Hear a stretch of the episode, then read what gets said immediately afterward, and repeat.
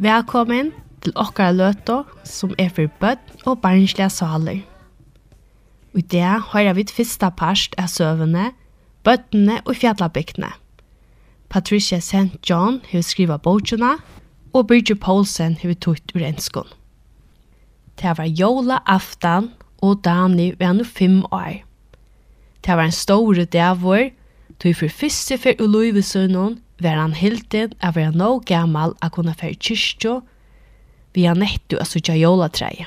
Nú han sæt i songjene og sæt på en skål av eplasuman og ljósarta høver hansara så stinka upp undan til store kvite døgnene som tøktes være lykka tjukt som hun var brei. Anetta sæt under li hansara vi hennar skuinande honanskokobjøtt i håndene. Jeg er så kjett av du, Dani, sier hun avgjørt men du kanst ikke han i sång vitt deg. Vi morgen og æren vil ikke etter av henne, utan best måler.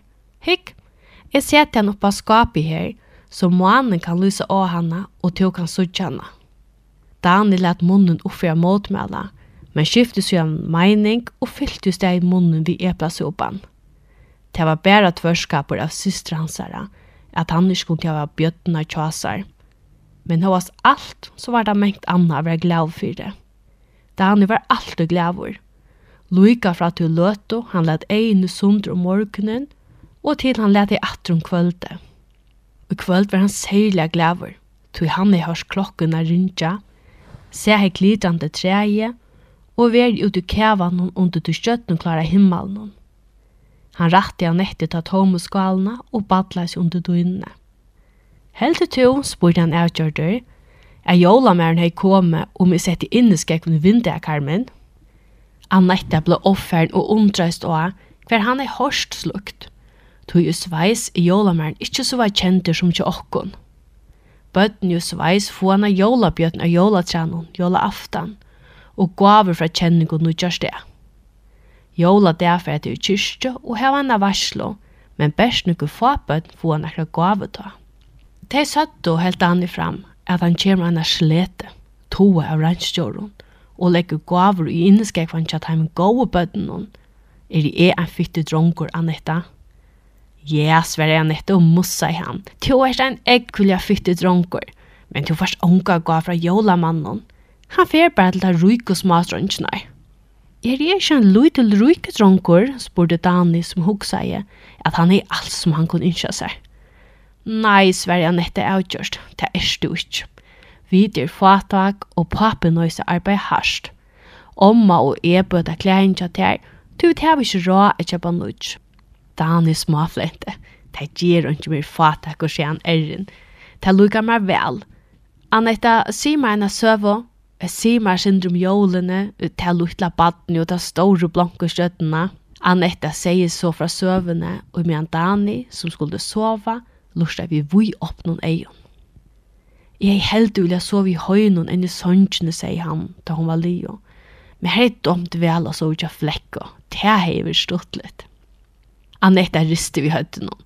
Nei, det hei du ikke vilja, sverre hun. Ikke om vetren utan døyne. Du er blitt kaldur og lukkelig og yngsrena heita sång. Det var ljøtt at heimna sier at ikke rom var til den lutla løyføringen. De kunne finne noen innvist onkere æra stedet. Klokkan slå nødje, og Anetta leip opp. Du må sledja til nu, Dani, sier hun. Jeg må for gjøre sjokolatene til pappa. Hun mussa i han, badla i om han, sløkte Josi og far ut. Men Dani sovna ikke. Og i stegen la han og hukte ut i myskre og huksa i. Han var ikke nekkar munnsens smadronker. Men han kunne ikke lade være vi hukse om at om jólamæren kom til tarra, hei det vært snåbuslitt ikkje av er. Sjål sagt vær det avhugsande at han kom, til Dani vær best en fatak og dronkur. Men hoas alt kunde det henda at han korsene kom. Det måtte heller ikke sæka at man sett i inneskekken ut, sjålt om ikke var ui noen morgen etter. Han kom til at han bænt ut noen bæktet når kævan, som skilte køtjen fra høytjusen hon. Sjålvande var det avhugsande at jólamæren kunne sutja han her, men det gjør det ikke, og man gjør denne rundt. Da han het hitje avgjørna, han krep seg ur sjønkjene og får varlesle ut ur kameran og nyr i djøkken der. Han får skåleiser, til han yngste ikke at nekar skulle til høyre han, og i håndene bær han så en luttla reia inneskegg som var foravur vid kaninskinnet. Papi hans hei skått til kaninina, og Annette hei gjør skekvanar, og så Dani hei alla grund at halda er jólamæren for a leggja mersi til skegven. Tvør treie som lasti uthorna var tungt a litte av, og Dani måtte få seg en skammel a standa av, åren han mekna a litta tog. Eit egna brakt hei han haft en av vekra sjån fyrir seg av kæva og støttenon, men så stakk kulten han som var knivor, så han var om a missa åndena. Han kastade i inneskegna trappena og lät horen atter så kjøtt som han kunde. Latter om hjärsta skumta i dansar attur sång. Han badlas under dynorna, ringte sig samma som han bölt och borra i nösarna ner i kottan. Han har byggt sina vanliga bön som vi har netto och är for för sång. Men nu har han sindra lite träd.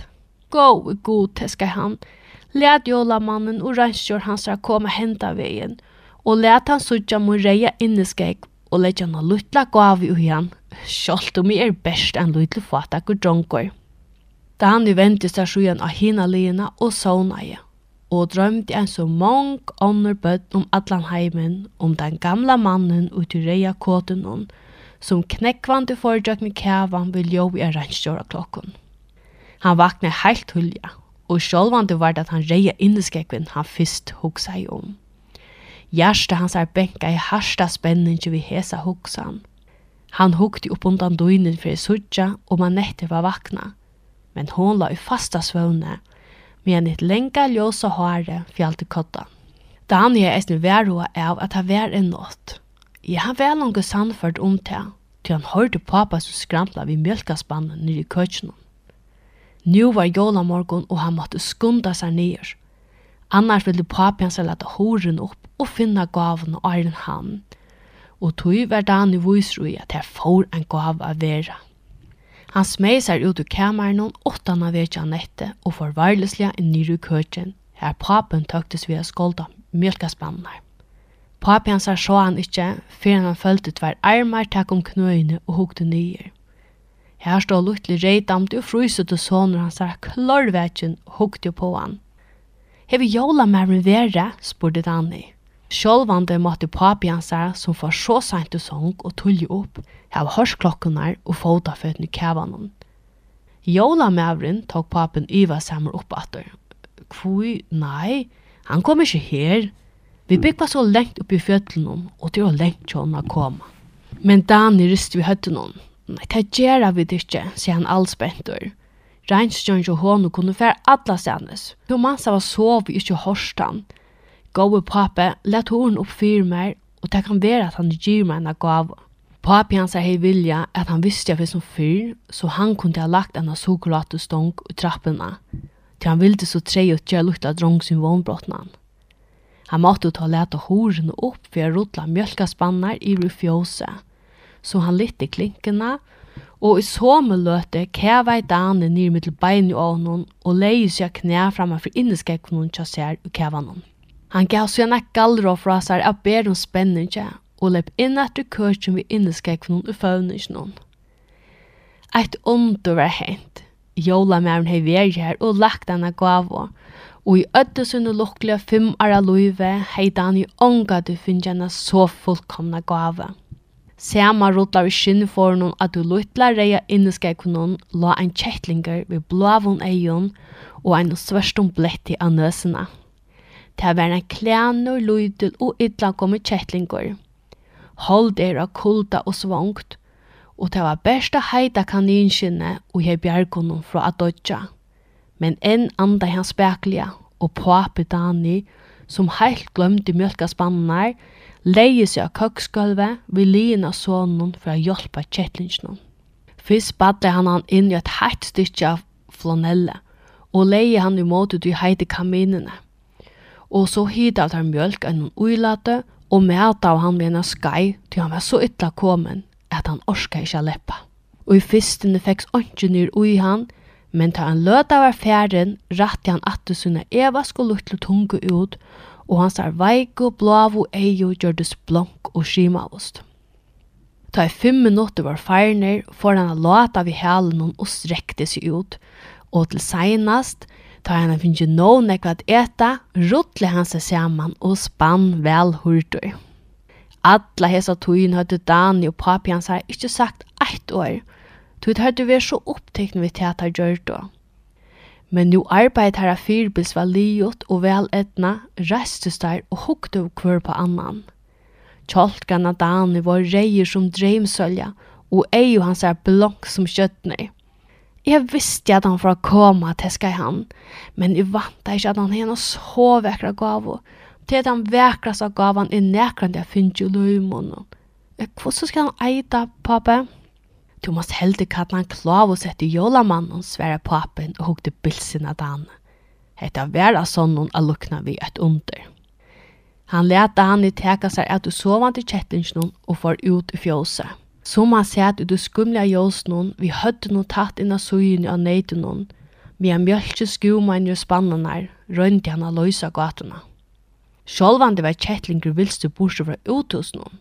Men ta takte så løye at han skulle ha funnet inneskekven til Dani og lagt seg ui han. Etter nærje omvoksan helt pape Dani at hans ikke alt var så løye. Det var jo helt naturligt at ferien i himmelen en av jola nått ikke ville gjøre en målerleis baden av hjørne vannbrottet. Han måtte ha lagt fotafeten til at du lukta kvita kjettlingsnån. Papi Dani gavst av mjölkana løte, og takka i gode vegna sonsun fyrir gavuna. Stort etter kom Annette ny køtjen for å få seg morgomat, og størsa vi ta hon sa Dani sid oppi nokklavun, og vi iverfrakka vi hann kvittun kjettlinje. Hon skulle just spyrja Dani, ta han gav en tekjen om av restidla, til han var bensjen for å vekja kjettlinjen. Han tjekk varlislega iv hennara, toa henne nir en stål, og sette seg av knæ henne og teska i alla ta åkjente søvna inn i øyre henne. Annette er ilt vi finna henne fragraing. Hon var 11 år og tro ikke på jolamannen, men hon tro på jola englar. Og ein sluik og regner og kvite kjettlingur kunde best være kommet beinleis nira himmelet. Hon settes nira gulvet og tok Dani og kjettlingen oppi føvningen. Og her fann omman til en halvan timma seitene, da hon kom inn og vant til å finne jolakaffe heit av bornon. Lucien la under de store fjøverdune søyne og yngste at det enn ikke var tog å fære opp. Sønnen var heit, men luften utanfyr var bøytande køld. Han soffaje og badlai seg vel atter under døgnene. Lucien, Mamma ljóa ilska malen og Lucien leip skunduslig av sonjene. Hetta var trifer hun røpte å han, men enn hei han ikkje lete visse koma. Enn hei han tydla far opp, så at han nådde skolen rett stundes, men han fikk ikkje stundra mjölka. Om han gjør det til, måtte mamma hans herra, og der seneste dianer hei hun som oftast gjørste. det det drønge mjölk ikke ærenda for skola, småmotla i Lucien, med henne knappa i. Og hvor skal de alltid arbeide mer enn ødel ånder og med henne kan pappa eie? Han sa tvører og trasker ut, ta han kom nyer, og sette seg nyer for å sluka breie og kaffe i huset. Ta han var kommet i helt, kom mamma hans her inn i frjøsene. Lucien, sier hun kvastlige, hvor kommer du ikke opp til Europa av det? Det ender teke seg fer etter fer. Du måst hjelpa meg morgenen. Siste du kommer nå tullig opp og fer til arbeids utan av mot måter. Jeg veit at ære dronjer heva papar, men vi tar bare trutja kuir, og utan ter kunne vi ikkje liva. Du erst nå en store dronker, og er skamlet at du skal leta meg være ensamatla om alt morgenarbeid. Lucien sværa i åhøvesker i arbeid om kvöldanar. Jeg får ånga til spalt. Jeg må bare brenne inn, og jeg har vel langere affære enn nekker ærer. Jeg får jeg snu fåre til og gjør rent og fjåsen noen hvem leier det. Mamma sa snørste. I vil høver man jeg har gjort det meste av tog til at du kommer at du noen, sverre hun. Jeg vet at du faktisk ikke så nekka til om vetren som ånderbød, men jeg gjør det hva jeg kan. Jeg orsker bare så ytla mjölka så tullja av måtene. Du er ikke noe gammel til å gjøre det, og i fremtiden må du komme opp rettståndes. Nå, skunda der, annars verir du oss ein i skola. Lucien struttes ved å lete seg i kåte og sier lyde mulatråden farvel. Han løste sletene og får vi rukande fer inn i et usakalda myskre. Onkje hørtes utan bærs ljóv av skinnaren som glir i kævan. Annars var fullkomlig tøkn. Tøknen og i eins og heldur andanon hon er en dimme latter. Storleikjen usen fyllte vanliga lusjen vi ærefrykt, men i morgon var han og træsker at hugg som slukt. Det er pura åratvist og smamotlai han. Öll er imot meg. Det er ikke mun skyld at jeg ikke får gjøre skolating mun nå vel. Jeg må alltid arbeide heima. Og i dag skal vi få ommelde og jeg vil helst ringast og atter. Og han heter Børner, hatt av Espna, ved nummer 1. Er viser i at hon ikke nøyest av mjølka neiten hon, og er noen for skola. Han rønte sekka, men og sent vær. Han var kommet, her vever skiltest, og hei vært så borster og sin utreskon hoksa noen, at han glömde hver han skulle. Han er rent beint inn og søgna sleten ikke av nettet, så hun koppa av vennom det hendte jeg bare en galøsne. Hermabunden og glårei om anlite leip lusjen av sletene for å hjelpe, men Annette var fyri honom. Hun er omgående hildene av lusjen, og gjør det så skøkk av hesson. Vi gleggvande eion vente hun seg mot honom, kvitt av kjava. Til stora klompor, røpte hun holgratande. Kan så ikke hitja fram fyrir det? Hikk borgen til meg, Alla mina uppgåvor är våtar och skrattar. Jag ska säga läraren att jag har allt av tøynun av hon. Lucien, som är illt vid att styra sinnesøynun, blev overvitt av samma. Nu, nu, röpte han. Det är inte nejot. Jag gör det där inte vi vilja. Du tåler att få värre omalla. Jag fär vågare. Han leip upp av släterna og får som er fåkast det og kom nå tulje i skola. Hon må klare seg sjolva som han måtte lei han. Jeg halte ikke at hun lette meg jobb seg om jeg yngste. Det var godt at jeg ikke var hos henne i skola. Jeg er langt kom tverfyr sent jeg sa vikna. Jeg kom av leis og kævafonene var ikke som jeg kom igjen. Det kostet en eiers annett og ikke lydestrøy. Men då han sloppen leis og hei sauna seg saman, græt hon bæja kulta og skjeltke og skursla med knøvån, men mest av ötlun av Bjørn Ilsen. Ta i hån er kvarter skjeitene smøkte seg inn i skolastålene, hvor du ei og henne rei, nøsum blå, og køld og hender og skursla av knø henne er blødde. Vi som nå var til oppgavebåken og skrøtte skrivebåken, var hun ikke vøker og alløyde. Annette, sier læreren størsen, hva er det hent der bad mot? Eina løte bardes Annette mot frestingen av slætra men a suttja Lucien sida turran og heita med skrivebordet seg var henne og boi. Det var losjen, sier hun oversynt. Han rende jo av meg, så jeg koppa ut av vennom, og helt bare hvor jeg sted og lett meg være littjande. Jeg slapp ikke leis. Hun tok hendene opp for anledning og for atra grata. Hun var helt og lukkelig og heradtratt ill. Ødde stovene tykte synd i henne, medan neier slås igjen, at vi lutan til høtte og så ekkulig harmer ut. Læraren harstar Lucian fyrir ljóta ætbor hansara. Og tog verre må sigast at dette ikke er nette og fikk han betre hur. Seitni var skossmannen lysen opp, og da Anette gjørdes nummer 1, var hun enn bedre hurd. Lucien var ringastor og skulle i eisen sida etter. Ta i ødt for i heim måtte han være sitande og gjøre eika arbeid, og atla tøyina vant øvundun og hætre og hjersta hansar og på seg. Endelig fikk han fru og for heim, toande sleten at han nasar nian etter fjallasynet. Hette er veri en øylig dævor. Mamma hans er jo ytl han, og Annette er slætra, og læreren er rausa han, og så har han eisne funnet ringkaste ommeldet. Skuggan av marstene høyde han løkna blåan lid henda seidna parsten. Ein så en ivergjærligur blavur lydur som tåka og fjarlagt om dølun høgt oppe så solen skuina fjallatindanar, medan skudgjene spekla hauja seg opp i mototaimen. Som han tjekk var det ein så øyen gav rom for motløse, og i seisen i iver han, og da han helt seg einsamallan, tok han av smakrøyta.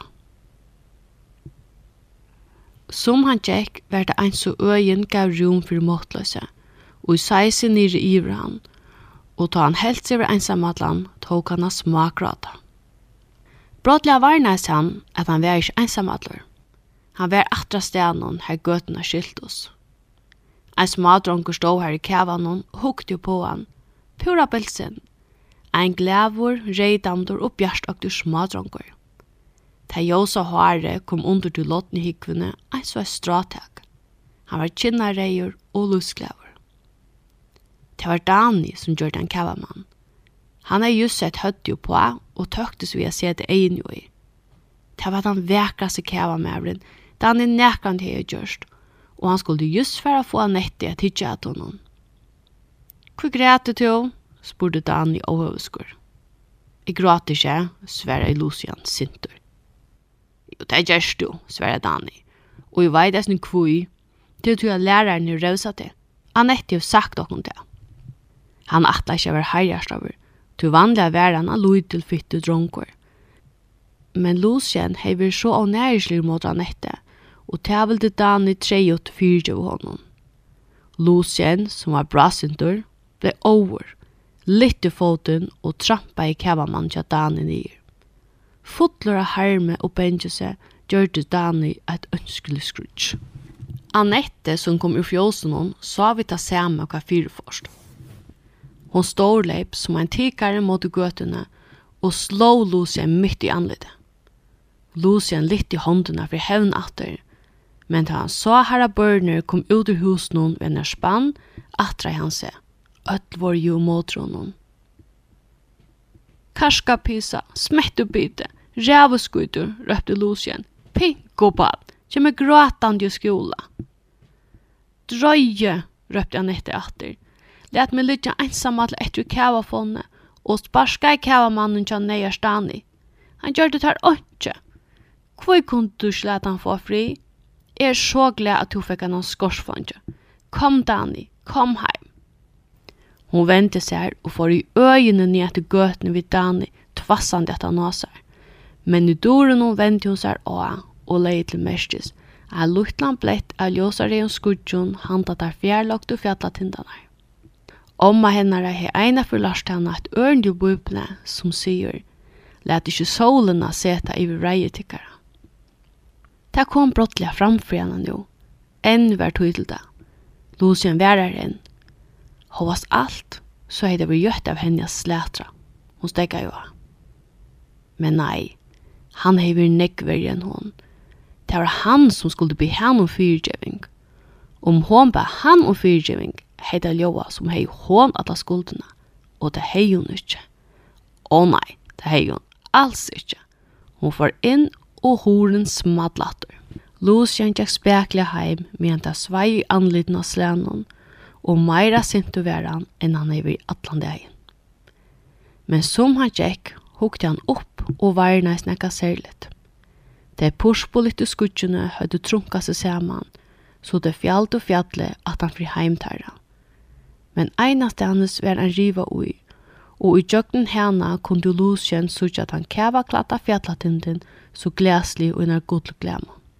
Hava sama vänner sutja solsidra vetre, fekke som vekur leikjen lusjen at kika etter åndene og hitja etter. Storleikin av hesun rei hans er fataka og luttla verda. Hvor godt heidir seg vere a kunna byrja nudjon, Enn kunde han få fætter av Annette om han rann. Men nei, Annette var så erspen at hon ville helst ikke ha vi henne gjøre. Og hvor skulle han be henne gjente om fyrtjøving? Avtid av kvørste ville det være at fyrre be om fyrtjøving tog klantre seg opp. Et klantor som kom av være henne lenka tog og være til med bavon til det størst nylag.